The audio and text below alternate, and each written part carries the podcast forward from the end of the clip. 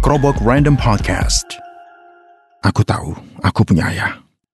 Tapi aku tak pernah tahu bagaimana rasanya. Tak usah heran, itu hal biasa. Banyak orang lain juga mengalaminya. Tapi aku tahu bagaimana semua itu bermula dan menjadi bencana.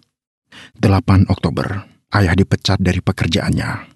12 Desember, dia mendapatkan pekerjaan baru. 6 Mei, ayah mulai pulang terlambat. 3 Juni, ayah ketahuan keluar bersama rekan kerjanya. Entah tanggal berapa Juli, ibu tahu ayah punya pacar baru. Dan pada bulan yang sama, mereka sering bertengkar. Dan pada tanggal 8 Oktober, kebetulan sekali, mereka resmi bercerai. Saat itu tentu saja aku masih tidak tahu apa-apa, karena pada 10 Desember, aku baru berulang tahun yang keempat.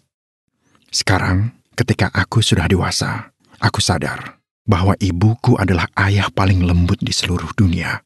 Dia menyuapiku yang masih kaku memegang sendok apalagi garpu. Dia menggendongku karena aku suka jatuh saat berusaha berlari dengan sepatu. Dia juga mendongengiku saat malam karena entah bagaimana aku begitu takut pada hantu atau apa saja yang tampak seperti itu. Namun, karena dia juga seorang ayah, ibu juga memukulku. Dan karena dia adalah ayah yang paling lembut di dunia, dia memukulku dengan air mata. Ibu juga menjewer telingaku, menjewer dengan nasihatnya.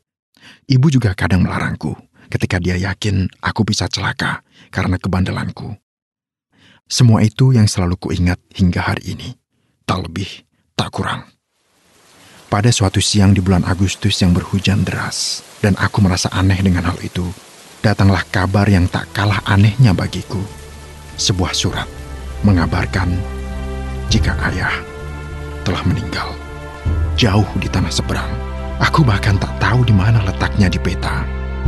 Seharusnya aku meneteskan air mata, tapi tidak. Aku pergi ke kamar untuk berganti baju dan mematikan komputerku yang masih menyala. Tanpa menyentuh tumpukan surat dari pembaca maupun undangan dari media, aku pergi dan menyambar kunci mobilku. Surat kematian itu tergeletak di meja beranda rumah. Kesepian bersama angin yang berhembus mengiris dinding.